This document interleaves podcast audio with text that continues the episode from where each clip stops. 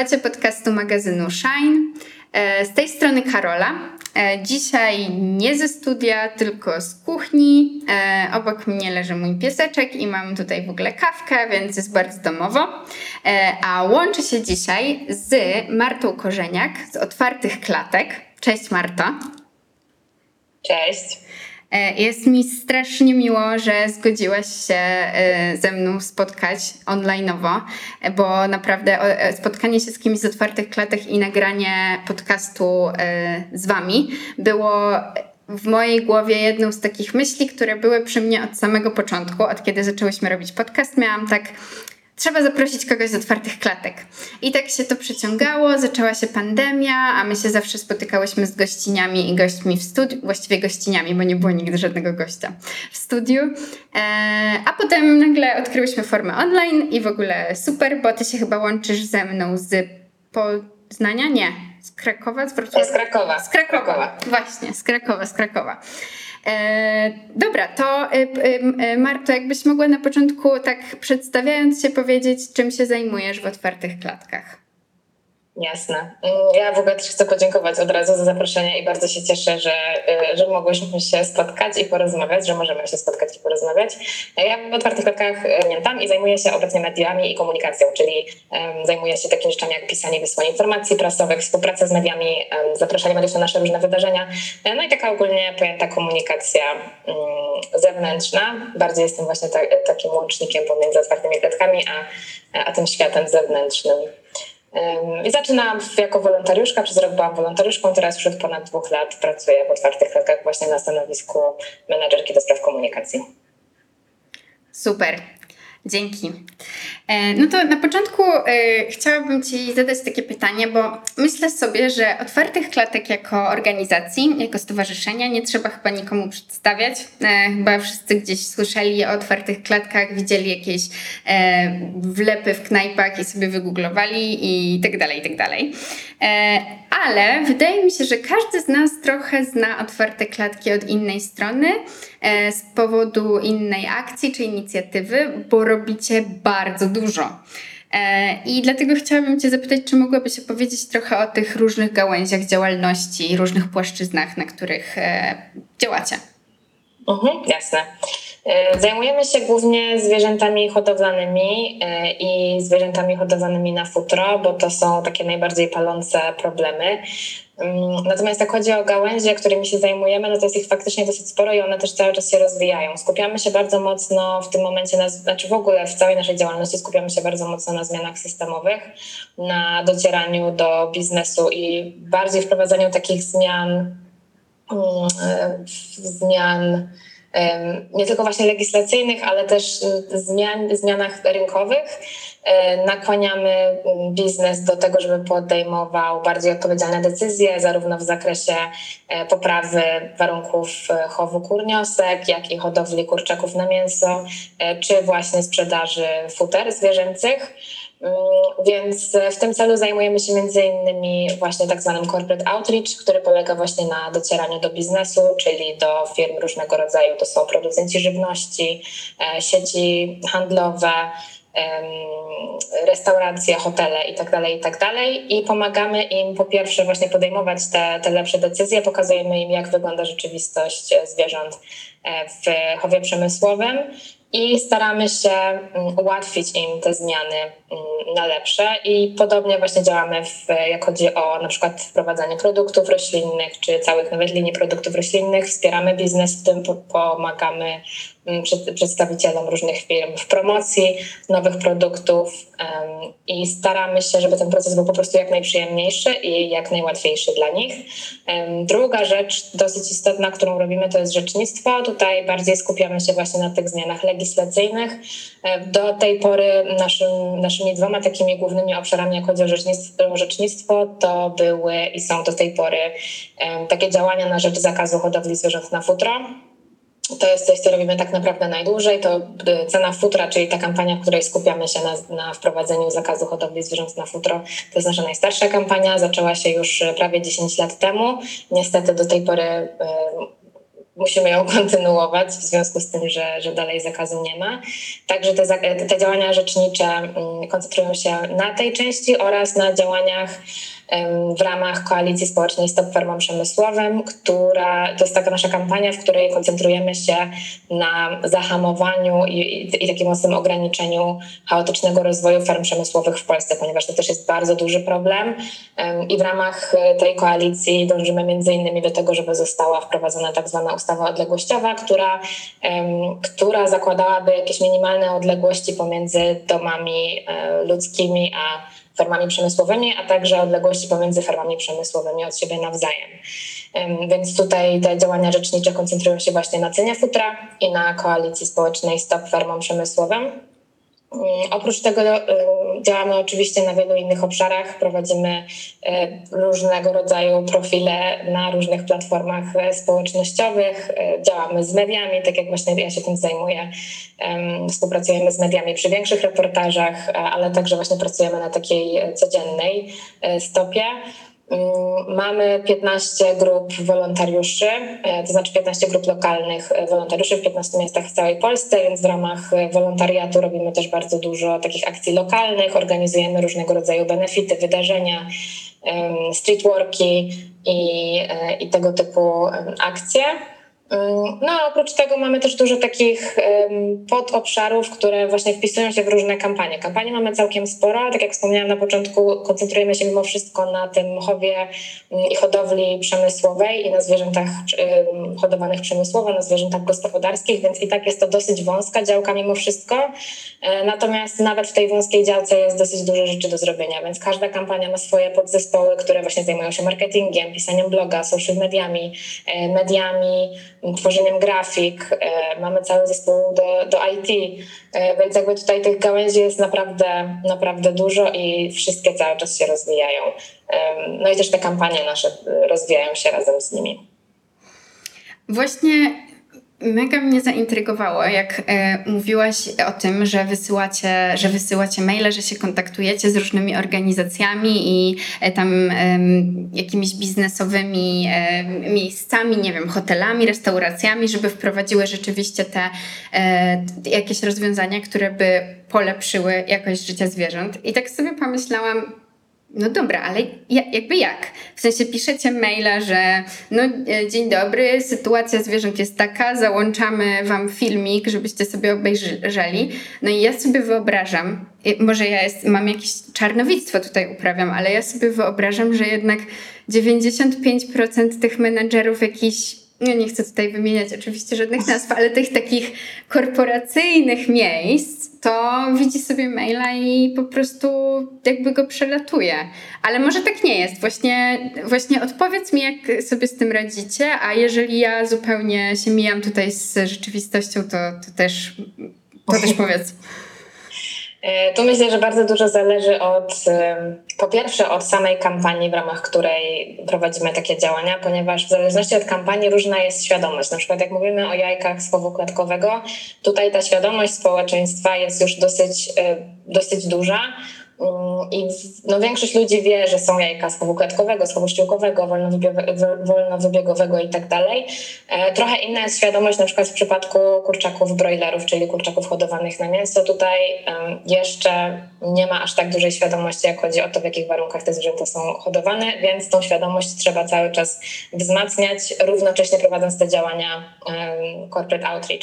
Jak chodzi o kontaktowanie się z firmami, to my mamy bardzo zdeterminowany, silny i uparty zespół, e, który po prostu codziennie mm, kontaktuje się z tymi różnymi firmami. To są, tak jak wspominam, to są zarówno producenci, jak i właśnie firmy różnego rodzaju tak jak właśnie sieci, sieci handlowe, e, sklepy, restauracje, hotele i, i tak dalej.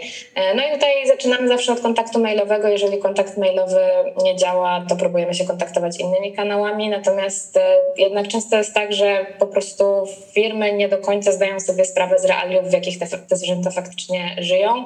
I potem, jak otrzymają od nas materiały różnego rodzaju, to, to nie tylko są materiały takie wizualne, ale to są przede wszystkim materiały merytoryczne. To są nasze raporty, badania opinii publicznej, różnego rodzaju rankingi, gdzie widzimy, że po prostu po pierwsze mm, poparcie społeczeństwa dla zmian które mają na celu poprawę mm, losu zwierząt hodowlanych jest bardzo duże. No a po drugie też podajemy od razu rozwiązania, które mogą zostać zaimplementowane, to znaczy nie naciskamy, mm, nie naciskamy na firmy bez podawania im jakiejś alternatywy. Także ten dialog też od razu się inaczej zaczyna. Bardziej chcemy wspierać niż atakować. I to myślę, że jest e, kluczowe w tym dialogu. E, no i przynosi efekt. To znaczy, jak chodzi o e, jaja z chowu klatkowego, to już ponad 150 polskich czy firm w Polsce mm, zadeklarowało mm, rezygnację z jajek trójek. Niektóre firmy już się wycofały całkowicie, niektóre są w trakcie. Generalnie ostatnio koalicja e, organizacji Open Wing, Alliance wypuściła raport, według którego do końca zeszłego roku, do końca 2020 roku, aż 85% globalnych polityk zakładających e, wycofanie mm, jaj z zostało wprowadzonych w życie. To znaczy, że jednak firmy faktycznie nie tylko podpisują te deklaracje, ale też się z nich wywiązują, co jest też bardzo istotną informacją. Więc myślę, że tutaj to podejście takie e, właśnie bardziej partnerskie jest najważniejsze, ponieważ no, nikt nie lubi być atakowany, nikt nie lubi być oskarżany. W momencie, kiedy my wychodzimy z taką inicjatywą, żeby pomóc, żeby doedukować i pokazać jakieś inne rozwiązania, to firmy chętniej z nami rozmawiają. Do tego stopnia, że w tym momencie już no, jesteśmy na etapie rozmów nawet właśnie z producentami drobiu choćby, e, co wiadomo, że jest gdzieś tam początkiem pewnie bardzo długiej drogi, no ale samo to, że jesteśmy traktowani jako równi partnerzy w rozmowach, właśnie na przykład na poziomie producentów drobiu, e, no to to już jest bardzo duży krok naprzód. Zarówno dla nas, jak i dla, dla zwierząt. Super. E, a właśnie jak tak mówisz e, o waszej działalności, to jak ja wyobrażam sobie, cię słucham i wyobrażam sobie waszą działalność, to brzmi to tak, jakby było was bardzo dużo. Jakby bardzo dużo osób e, działało w ramach otwartych klatek, bo mówisz o tych zespołach, podzespołach, ale też jeszcze o tym, że jedni tam piszą, a drudzy na przykład ogarniają media społecznościowe. No właśnie jak to, jak to jest? Jest was rzeczywiście tak niesamowicie dużo? Jest nas całkiem dużo. mamy w sumie w organizacji, to się zmienia z każdym rokiem, natomiast w tym momencie mamy ponad 300 wolontariuszy i, i wolontariuszki. E, samych osób zatrudnionych jest teraz około 40, chyba troszkę, troszkę mniej niż 40 osób. No i to są osoby, które pracują po prostu na pełny etat w otwartych klatkach. E, natomiast w sumie jest nas ponad 300 osób, także no jest to całkiem sporo, zwłaszcza, że działamy na terenie całej Polski. No i też mamy oczywiście oddziały poza Polską, co też nam trochę ułatwia pracę, jak chodzi o taki właśnie szerszy kontekst. Wiemy, co się dzieje w reszcie Europy, wiemy, co się dzieje też poza Europą, e, więc to też nam bardzo ułatwia nieraz na przykład argumentowanie, dlaczego, e, dlaczego na przykład inicjatywa koniec epoki klatkowej ma sens, bo widzimy, że w niektórych krajach na przykład zakaz chowów w klatkach, czy zakaz chowów w klatkach kurniostek, czy, czy wszystkich zwierząt po prostu działa i, i to też nam daje takie no, duże pole manewru.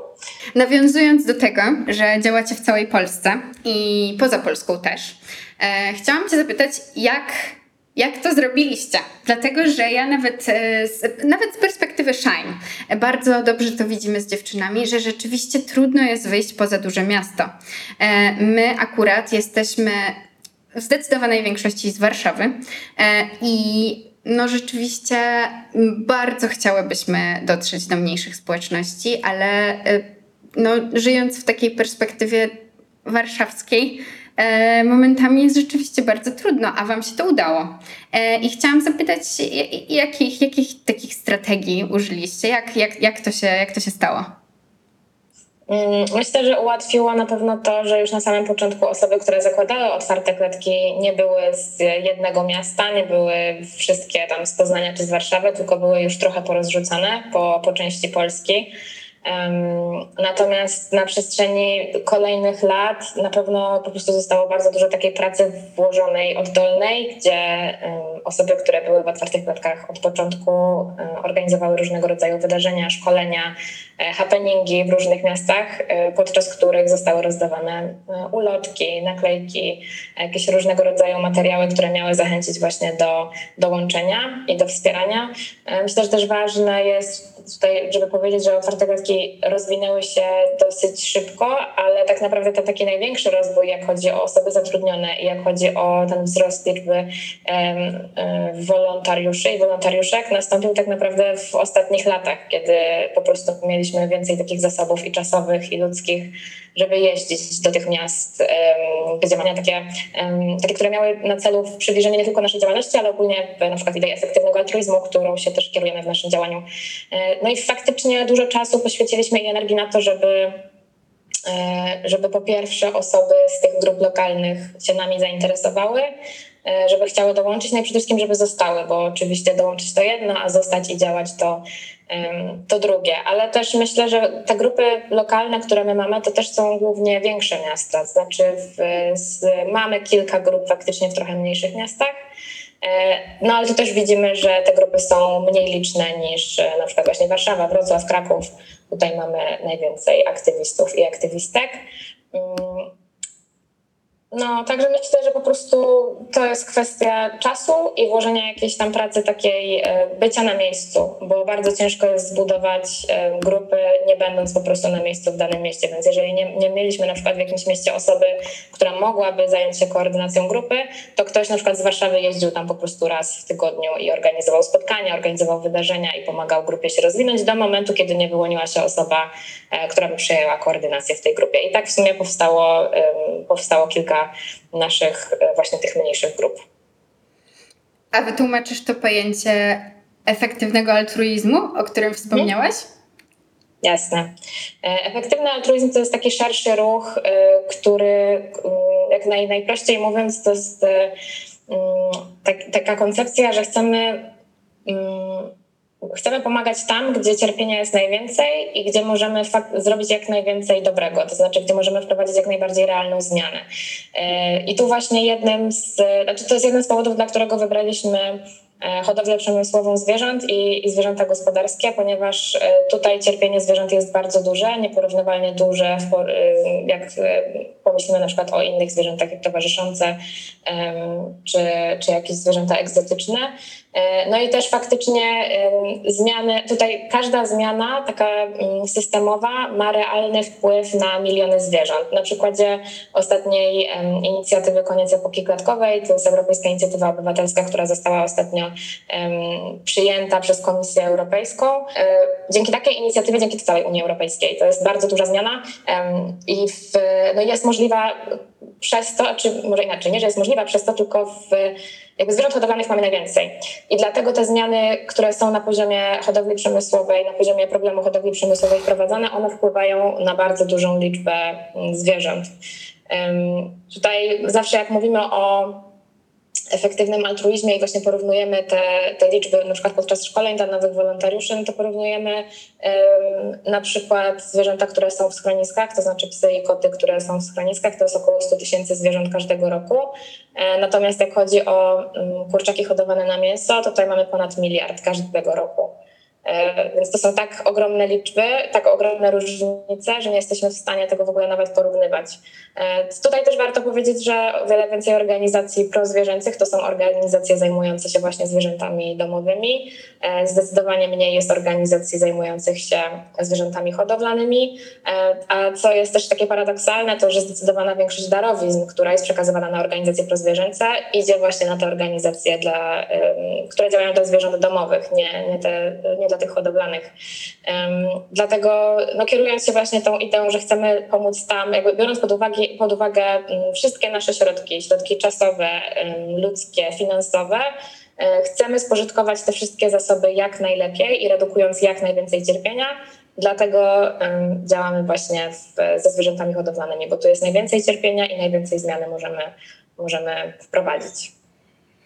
Wow, te, te liczby są naprawdę piorunujące i tak sobie myślę, myślę teraz, jak to powiedziałaś, że pewnie jest jakiś odsetek osób, które rzeczywiście wspierają bardziej miejsca czy organizacje zajmujące się zwierzętami domowymi, bo po prostu w stosunku do zwierząt domowych jakby łatwiej, łatwiej jest e, o tę empatię, bo zwierzęta domowe mamy na co dzień obok siebie, więc oczywiście, że wyżej empatyzujemy w stosunku do nich, ale też jednocześnie myślę sobie, że jest na pewno grupa ludzi, którzy po prostu e, nie wiedzą, jakby, którzy gdyby mieli tę świadomość, że, e, że, że to są rzeczywiście no, takie liczby i że rzeczywiście tyle zwierząt hodowlanych cierpi e, i nie jest wspieranych, to, że może te darowizny poszłyby jednak w stronę takich organizacji jak Otwarte Klatki. Więc chyba rzeczywiście warto o tym mówić i po prostu tak. e, edukować. No właśnie, a czy otwarte klatki to jest bardziej praca, czy styl życia, czy może jednak coś pomiędzy? Bo ja tak sobie myślę, że gdybym e, pracowała w otwartych klatkach, to pewnie na maksa bym e, na maksa bym tak się w to um, zatopiła, bo to jest strasznie angażujące, żeby pomagać zwierzętom. I właśnie jak to jest dla ciebie i też jak może to obserwujesz w ogóle, jak, jak jest, jaka jest um, tendencja w Waszym stowarzyszeniu? E, myślę, że zdecydowanie każda osoba, która działa w otwartych klatkach, mocno się zanurza w tym świecie aktywistycznym. E, z prostego powodu, tutaj zawsze jest coś do zrobienia i nigdy nie ma takiego poczucia tak naprawdę skończonej pracy. Są oczywiście mm, sukcesy, mniejsze i większe, które świętujemy i, i z których jesteśmy dumni Natomiast y, zawsze po każdym sukcesie jest kolejny krok do podjęcia i kolejna rzecz do zrealizowania. E, więc czasami trudno jest po prostu, mm, zaciera się trochę granica pomiędzy tym, kiedy na przykład y, no, trzeba wziąć dzień wolnego czy odpocząć, a pomiędzy tym, że jest jeszcze tyle rzeczy do zrobienia. Natomiast myślę, że jesteśmy w tym coraz lepsi. Mm, myślę, że na pewno to jest ogólnie aktywizm nie tylko w otwartych klatkach, ale myślę, że działając na, na, na rzecz jakiejkolwiek um, jakiegokolwiek problemu społecznego. Mm, bardzo łatwo zanurzamy się właśnie tak na maksa w tej sprawie, ponieważ jest to coś dla nas istotnego, coś ważnego, y, z czym się nie zgadzamy, bo to jest na przykład niesprawiedliwość wobec w tym przypadku zwierząt, na którą się nie zgadzamy. Mm, więc wywołuje to też w nas dużo emocji i dużo takiego zaangażowania na poziomie nie tylko właśnie zawodowym, ale takim personalnym. Myślę, że trzeba trochę też uważać z aktywizmem, ponieważ e, właśnie te wszystkie mm, te wszystkie czynniki mogą spowodować, że zanurzymy się trochę za głęboko i trochę nas to przytłoczy. E, wielu aktywistów i, i wiele aktywistek zmaga się z wypaleniem czy z różnego rodzaju właśnie problemami ze zdrowiem psychicznym właśnie z tego względu, że to są trudne tematy, to są trudne, um, trudne obrazy nieraz, no też pracując, czy, czy działając nie tylko, nie tylko jako mm, osoby pracujące, zatrudnione, ale też jako wolontariusze i wolontariuszki jesteśmy narażeni bardzo często na zdjęcia, filmy z ferm przemysłowych, z ferm futrzarskich. E, no i to też są takie rzeczy, z którymi musimy sobie na co dzień radzić. Um, musimy sobie radzić też e, nieraz z hejtem, czy, czy właśnie z różnego rodzaju porażkami na poziomie na przykład legislacyjnym, tak jak ostatnio y, było z piątką dla zwierząt, gdzie wydawało się, że jesteśmy po prostu o krok od wprowadzenia zakazu hodowli zwierząt na futro, o który tak walczymy. No i minął prawie rok od piątki dla zwierząt i już nikt o niej nie pamięta od dawna. E, także no dużo jest takich wyzwań, nawet nie nazwałabym tego problemami, ale jest dużo wyzwań, z którymi też musimy sobie radzić na co dzień po prostu jako, jako ludzie. E, no ale jakby koniec końców jest, war, jest zdecydowanie tak warte mm, działania, bo, no bo możemy właśnie robić coś dobrego, robić to też wśród osób, które mm, podzielają nasze poglądy w bardzo wielu sprawach. E, no i ostatecznie widzimy te zmiany na lepsze. Znaczy, no to w tym roku dosyć sporo dobrego się wydarzyło dla zwierząt i myślę, że z każdym rokiem tych zmian jest coraz więcej, tych zmian na lepsze. Także no jest duża też satysfakcja po prostu z, z takiego działania.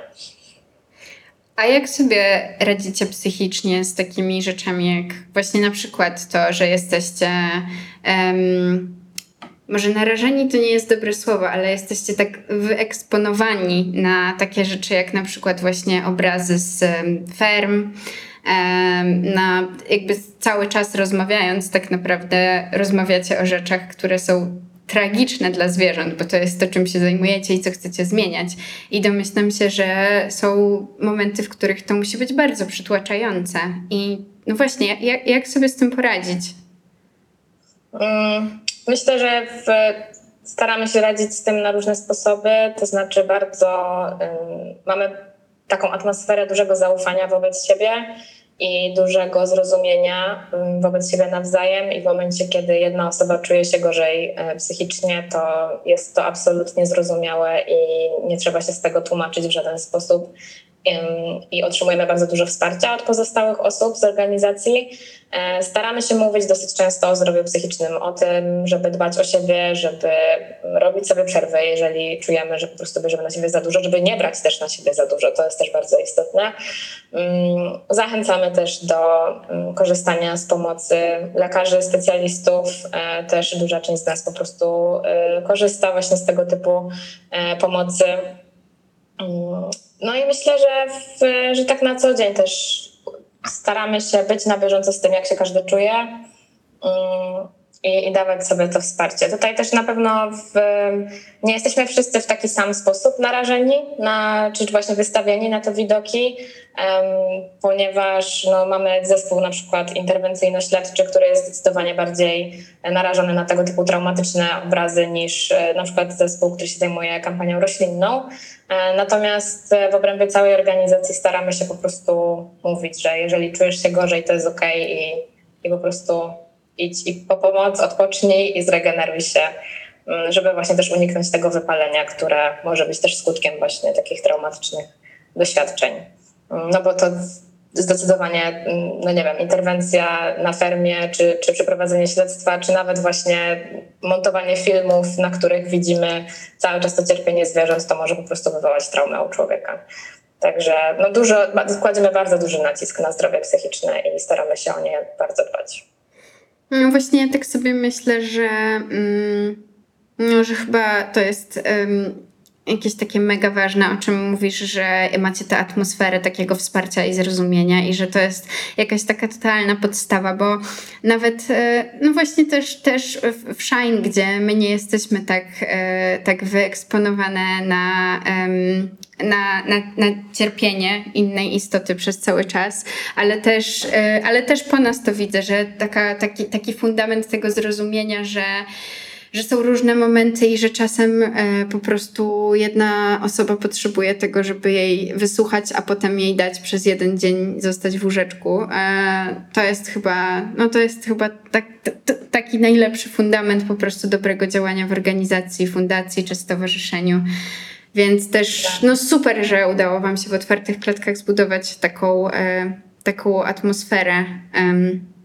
tak, a tak bardziej z pozytywnej strony, e, działacie od 9 lat w Polsce, prawda? E, I co się udało przez ten czas zrobić?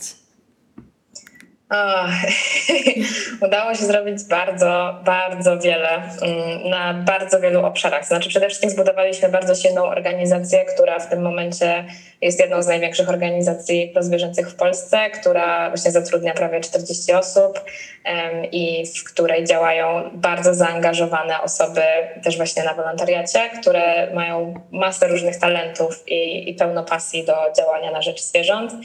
E, myślę, że dużo się zmieniło pod kątem świadomości społecznej. Znaczy, w tym czasie przeprowadziliśmy naprawdę masę kampanii edukacyjnych, zarówno jak chodzi o promowanie po prostu diety roślinnej, takich bardziej właśnie przyjemno-lifestyle'owych e, tematów, jak i hodowlę zwierząt na futro, mm, czy właśnie mm, warunki chowu e, kurniostek czy, czy, czy broilerów. I widzimy to też w takich postawach konsumenckich, widzimy to w badaniach opinii publicznej. Na przykład jeszcze jak parę lat temu prowadziliśmy badania opinii społecznej, e, poparcie dla zakazu hodowli zwierząt na futro wahało się tam pomiędzy 50 a 55%. W tym momencie to jest takie silne 70%, już któryś, już ileś tych e, badań było przeprowadzonych i zawsze w ostatnich latach jest to około 70%. Podobnie widzimy, w, przeprowadzając badania opinii społecznej dotyczące innych problemów, na przykład właśnie hodowli kurczaków broilerów, widzimy, czy kurniosek. Tutaj też widzimy, że tak ponad 70-80% społeczeństwa uważa, że mm, te warunki powinny być lepsze, że nawet mm, konsumenci są zgodni co do tego, że byliby w stanie zapłacić trochę więcej na przykład za jajka mm, z no, z systemu, gdzie po prostu kury mają trochę lepsze warunki, więc na pewno ta świadomość społeczna wzrosła na przestrzeni ostatnich lat. E, no i też dużo było takich akcji, gdzie e, samo to, że w ogóle zaczęliśmy być traktowani właśnie jako partnerzy do rozmów przez producentów żywności, przez różnego rodzaju firmy, przez polityków, ponieważ też bierzemy cały czas udział e, przy różnego rodzaju konsultacjach, przy projektach nowelizacji ustawy o ochronie zwierząt, która gdzieś tam na przestrzeni ostatnich lat cały czas wraca. Przeprowadziliśmy wiele kampanii z różnymi celebrytami i celebrytkami, z osobami ze świata takiej kuchni, znaczy może inaczej, z szefami i szefowymi kuchni, którzy są naprawdę uznanymi mm, w swoim zawodzie, zarówno w Polsce, jak i za granicą. Poparli naszą kampanię roślinną, zostali naszymi ambasadorami współpracują z nami też tak e, na co dzień. No i przede wszystkim, a czy może nawet nie przede wszystkim, ale też mm, jak chodzi o rynek produktów roślinnych, to mieliśmy też bardzo duży udział e, w tym, że pojawiły się różne linie produktów e, na przykład dopuszczanych przez producentów mięsa, e, czy właśnie no, ostatnia linia produktów Plant Hunter, która pojawiła się w Żabce, to też e, maczaliśmy w tym palce, czy roślinny majonez kielecki. To są wszystko takie produkty, które, przy których my też e, współpracujemy, jak roślinniejemy i staramy się mm, tak jak na samym początku wspomniałam, ułatwiać ten proces przejścia, to znaczy ułatwiać wprowadzanie tych produktów, promocję tych produktów i, no i staramy się, żeby też media interesowały się mm, tymi różnymi zmianami. Także tych zmian e, to jest ciężko w ogóle wymienić wszystkie. E, myślę, że jest niemożliwe. Na pewno jest bardzo dużo pozytywnych i też właśnie dużo się dzieje na poziomie takim europejskim. Z takich ostatnich wydarzeń, które są, myślę, warte uwagi, no to właśnie została, została przyjęta Europejska Inicjatywa Obywatelska Koniec Epoki Klatkowej, która zakłada, że e, od 2027 roku w całej Unii Europejskiej będzie zakaz e, chowu i hodowli zwierząt w klatkach. I to wiadomo, że tutaj jeszcze bardzo dużo pracy nas czeka, nas, inne organizacje i, i Parlament Europejski, i Komisja i tak dalej. Natomiast e, no, zakładając ten najbardziej optymistyczny scenariusz, no to faktycznie to będzie bardzo historyczna zmiana dla milionów zwierząt. E, I też niedawno odbyło się, odbyło się posiedzenie Rady do Spraw Rolnictwa i Rybołówstwa też w, Unii, e, w Parlamencie Europejskim e, i 12 krajów Unii Europejskiej poparło tak, taką notę informacyjną o tym, żeby wygasić hodowlę zwierząt na futro w całej Unii z uwagi na zagrożenie epidemiologiczne, jakie, powoduje, jakie powodują fermy norek jakie stwarzają fermy norek. No i ta nota sama w sobie na razie nie ma żadnej tam mocy prawnej, ale samo to, że 12 państw, w tym Polska, poparły taką notę e, i skłaniają się ku temu, żeby ten przemysł wygaszać, to też jest taki sygnał, że, że, że faktycznie za kilka lat może się wydarzyć tak, że w całej Unii Europejskiej po prostu nie będzie już hodowli zwierząt na futro. No i to też by była naprawdę wspaniała i duża zmiana. No, także myślę, że, że tak, że w dużo małych zmian, dużo dużych zmian i że będzie ich coraz więcej. Wow, to jest mega imponująca lista i myślę, że najlepszym dowodem e, waszej e, e, niesamowitej waszej pracy jest to, że właśnie powiedziałaś, że bardzo trudno jest wymienić te wszystkie rzeczy, które się zmieniły. To, to myślę, że mówi samo za siebie. A masz jakąś swoją ulubioną akcję albo inicjatywę otwartych klatek? Ja jestem jakoś sentymentalnie mocno związana z kampanią antyfutrzarską. E, z tego względu chyba, że po prostu najwięcej czasu i, i, pracy w nią wkładam i włożyłam na przestrzeni ostatnich lat. E, no z takich większych naszych sukcesów czy akcji bardzo tak czułością wspominam manifestację, demonstrację, która odbyła się w 2018 roku, e, gdzie ta dobra zmiana dla zwierząt, gdzie byliśmy jedną z organizacji, która organizowała właśnie tę demonstrację. Wzięło w niej udział ponad 5 tysięcy osób i była to prawdopodobnie w ogóle największa demonstracja mm, na rzecz zwierząt, taka prozwierzęca w, w Polsce.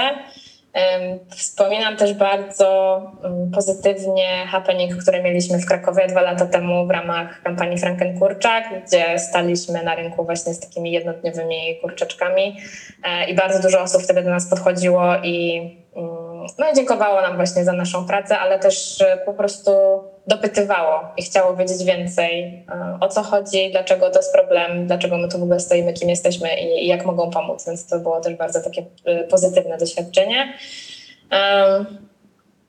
Ale myślę, że w, najlepsza to jest tak naprawdę ta codzienna praca. To znaczy, codziennie budują się nowe relacje, zarówno z osobami, które chcą do nas dołączyć jako wolontariusze i wolontariuszki, z darczyńcami, z mediami, e, z osobami, które odzywają się do nas na social mediach i mówią, że robimy dobrą robotę.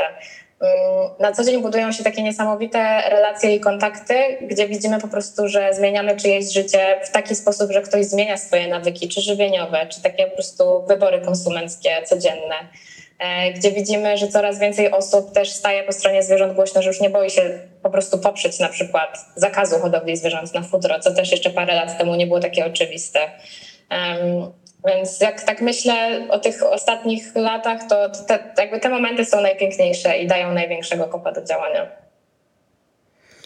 Właśnie jak mówiłeś o, o tym, o tej akcji z kurczakami, którą robiliście w Krakowie, e, na ulicach Krakowa i że dużo osób do was podchodziło, to tak przyszło mi do głowy, że pewnie jest duża rozpiętość reakcji, z którymi się spotykacie na ulicach, prawda? Bo jest dużo, myślę sobie, że jest dużo takiej pracy, którą wy robicie tak jakby trochę cicho ciemnie, znaczy bardzo jakby to jest, e, wy jesteście bardzo, jak to się mówi, jest takie słowo, że jakby bardzo nie otwarci, ale chodziło mi o to, że jakby można zobaczyć wszystko, co robicie. Jakby jak się wejdzie na waszą stronę. Transparentnie, właśnie, dziękuję. O to mi chodziło, dokładnie.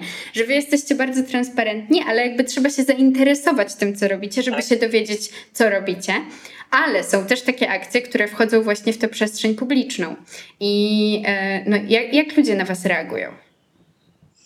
Mm, bardzo różnie. To znaczy, myślę, że tak e, ogólnie zdecydowana większość reakcji jest pozytywna. Zdarzają się osoby, które e, no po prostu zalewają nas hejtem, natomiast to są zdecydowanie jakieś tam mniejszościowe przypadki. E, często po prostu ludzie nie wiedzą, co się dzieje, nie wiedzą, kim jesteśmy, nie kojarzą nas i, i po prostu podchodzą, zagadują, pytają. Mi się zdarzyło, teraz no, przez pandemię oczywiście tych akcji ulicznych było zdecydowanie mniej, e, natomiast jeszcze właśnie jak pamiętam czasy przed pandemią, gdzie tych akcji było zdecydowanie więcej, to, to sama miałam okazję nieraz przez pół godziny, 45 minut rozmawiać z jakąś osobą, bo, e, no bo pierwszy raz zetknęła się z jakimś problemem i się zainteresowała.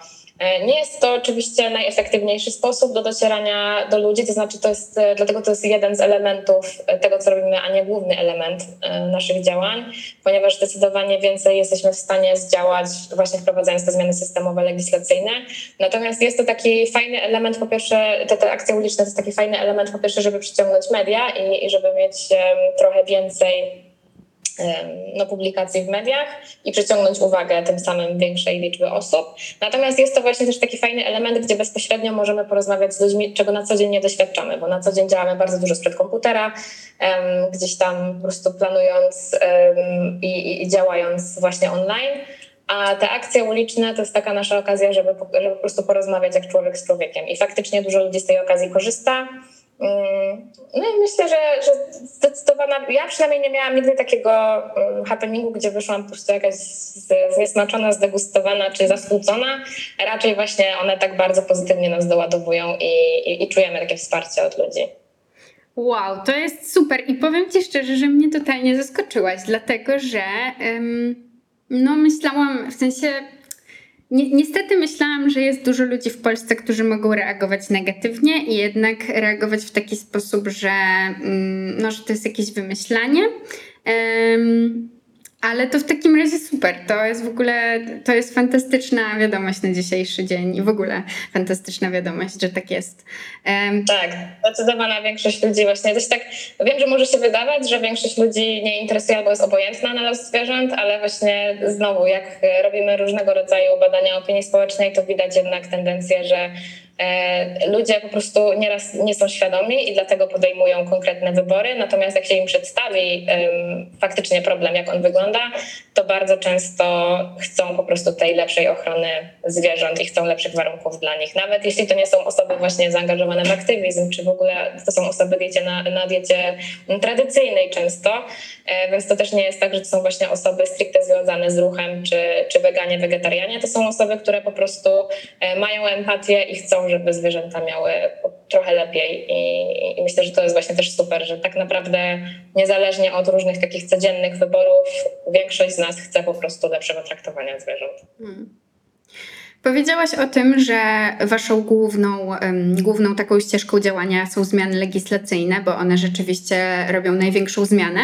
Um, I czy wy, jak zaczęliście działać, to wiedzieliście o tym i od razu zaczęliście z takiego punktu, um, musimy zmienić e, świat od tej strony prawnej, e, czy raczej z czasem dochodziliście do tego, że tam można zmienić najwięcej? Mhm. Myślę, że doszliśmy do tego dosyć szybko. Znaczy, ja to, trochę te początki otwartych klatek znam bardziej z opowiadań, ponieważ e, no, mnie nie było jeszcze wtedy w organizacji, nie było mnie w ogóle w ruchu prozwierzęcym, jak otwarte klatki zaczynały działania. Natomiast e, z tego, co y, słyszałam z opowieści, to właśnie to nas wyróżniało od samego początku, że y, bardzo dużo organizacji i aktywistów na rzecz zwierząt y, jeszcze niedawno była bardzo radykalna E, to znaczy weganizm albo nic.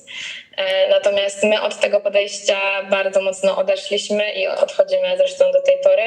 E, I od samego początku próbowaliśmy pokazać, że właśnie te zmiany systemowe mm, są najskuteczniejszym rozwiązaniem. I na przykład przez to, że publikowaliśmy śledztwa z ferm futrzarskich, bo to była tak naprawdę pierwsza rzecz, którą się zajęliśmy. To były śledztwa z ferm futrzarskich. Pierwsze śledztwo zostało prawie 10 lat temu przeprowadzone i opublikowane.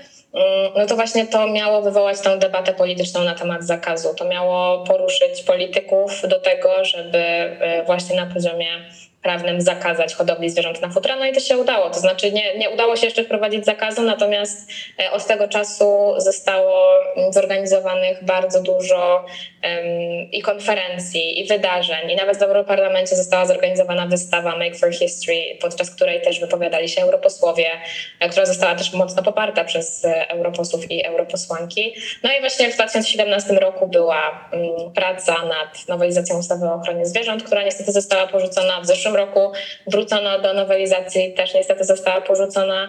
No liczymy na to, że w końcu, w końcu ta nowelizacja wejdzie w życie, ponieważ ustawa obecna o ochronie zwierząt jest z 97 roku, więc jest mocno przestarzała i, i, no i przydałoby się sporo zmian w, w niej, żeby ta ochrona prawna zwierząt była skuteczniejsza i lepsza.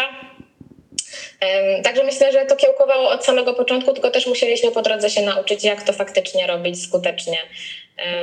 No i myślę, że idzie nam całkiem nieźle. Super, dobra, to tak na zakończenie chciałabym Cię jeszcze zapytać o to, że, bo załóżmy, że ktoś nas teraz słucha, albo z, z, tak, albo posłucha i pomyśli sobie, y, no kurczę, ale super te otwarte klatki, nawet nie wiedziałem, nie wiedziałam, że tyle tam robią i że to ma takie, takie skutki aż szeroko widzialne. Chciałbym coś, chciałbym, chciałabym coś zrobić. I jakby powiedz, co można zrobić i może też jakbym cię mogła poprosić się tak zróżnicuj na to, jakby co można zrobić, jak się na przykład ma dużo czasu, żeby poświęcić, a co można zrobić, jak chciałoby się, ale już po prostu nie ma tego czasu tak dużo do wygospodarowania. Mhm. Jest kilka sposobów e, na wspieranie tego, co robimy. Pierwszym sposobem to jest właśnie zostanie wolontariuszem lub wolontariuszką e, w którejś z naszych grup lokalnych. E, to jest właśnie ta opcja dla osób, które mają czas, mają chęć takiej nauki, samorozwoju i po prostu aktywnego działania na rzecz zwierząt. Robimy nabory do grup lokalnych co jakiś czas, w zależności od miasta. Też w tej rzeczywistości pandemicznej troszeczkę inaczej wyglądają te procesy niż normalnie, więc e, tutaj zachęcałabym do tego, żeby wysłać formularz przez naszą stronę. Na naszej stronie jest zakładka odpowiednia do tego. Mm, I po wysłaniu formularza otrzymujemy informację zwrotną od osoby koordynującej daną grupę e, lokalną i wtedy możemy się po prostu zgłosić na kolejne szkolenie dla nowych wolontariuszy, które będzie. Jest szansa, że właśnie w tym okresie wakacyjnym szkolenia y, będą robione fizycznie, to znaczy na żywo. Nawet chyba tak się dzieje, nie jestem pewna. Natomiast pewnie w, na jesień, zimę, jeżeli wrócimy do przynajmniej jakiegoś tam lockdownu, no to pewnie znowu to wszystko wróci do formy online, ale tak czy siak się będzie działo, więc, e, więc zdecydowanie można e, próbować e, w tę stronę. Można też zostać obrońcą zwierząt, to jest taka Mm, forma aktywizmu e, w skróconej wersji. To znaczy, e, mamy stronę obrońcyzwierząt.pl, na której można podać swojego maila i zapisać się właśnie do obrońców zwierząt. I tym samym raz na jakiś czas dostajemy maila z prośbą o zrobienie e, bardzo krótkiej, prostej czynności w internecie. To znaczy, to jest na przykład zostawienie komentarza pod postem jakiejś firmy, to jest udostępnienie jakiegoś posta. Głównie to są tego typu rzeczy, które bardzo mogą nam pomóc poprzez e, takie wywarcie większej presji na daną firmę, na przykład, żeby wycofała futra. Mm, I, w, no i te, te, te, rzeczy są właśnie bardzo e, krótkie, to znaczy wystarczy 5 minut dziennie, czy nawet 5 minut teraz na dwa dni i możemy pomóc w ten sposób. E, można też, jeżeli nie mamy w ogóle czasu, ale chcemy wspomóc, e, można dołączyć do klubu otwartych klatek. To jest klub osób, które wspierają nas e, stałą darowizną w wysokości 30 zł miesięcznie. Też mamy zakładkę na stronie no i tam też po prostu trzeba podać e, swoje dane adresa mailowego i co miesiąc wspierać nasze działania finansowe. My jesteśmy organizacją pożytku publicznego, utrzymujemy się z darowizn, więc wszystkie też e, darowizny są wykorzystywane na nasze mm, działania. Co roku publikujemy też taki artykuł na blogu, gdzie pokazujemy na co wydaliśmy pieniądze, więc e, jeżeli ktoś jest zainteresowany taką formą, ale nie jest pewny, to można sobie zobaczyć na co wydaliśmy pieniądze na przykład w zeszłym roku i w poprzednich latach. No i myślę, że to są takie trzy najbardziej skuteczne sposoby. Można oczywiście śledzić nas na mediach społecznościowych, udostępniać nasze treści, e, przekazywać je dalej, to też jest zawsze pomocne, natomiast myślę, że właśnie dołączenie do wolontariatu, zostanie e, obrońcą zwierząt i darowizny finansowe to są takie najbardziej pomocne mm, sposoby na Super. działanie z nami. Super.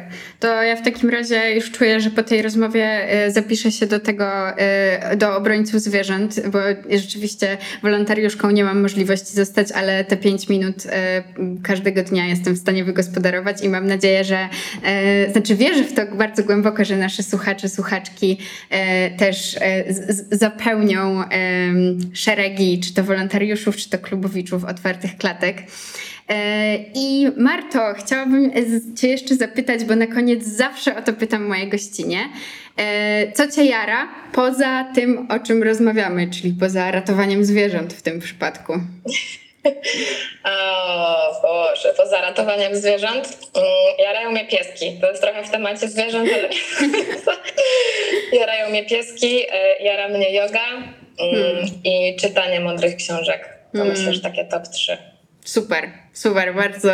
To, to, to są fajnie jarające rzeczy z mojej perspektywy też, więc tak, e, wirtualna piona. Dziękuję Ci bardzo za rozmowę. E, była super i mega inspirująca też dla mnie. E, no i myślę, że to nie jest ostatni raz, kiedy się słyszymy. Nie wiem, czy w podcaście, czy nie w podcaście, ale dziękuję Ci bardzo i też w ogóle dzięki, że robicie taką super robotę. Ja również bardzo dziękuję.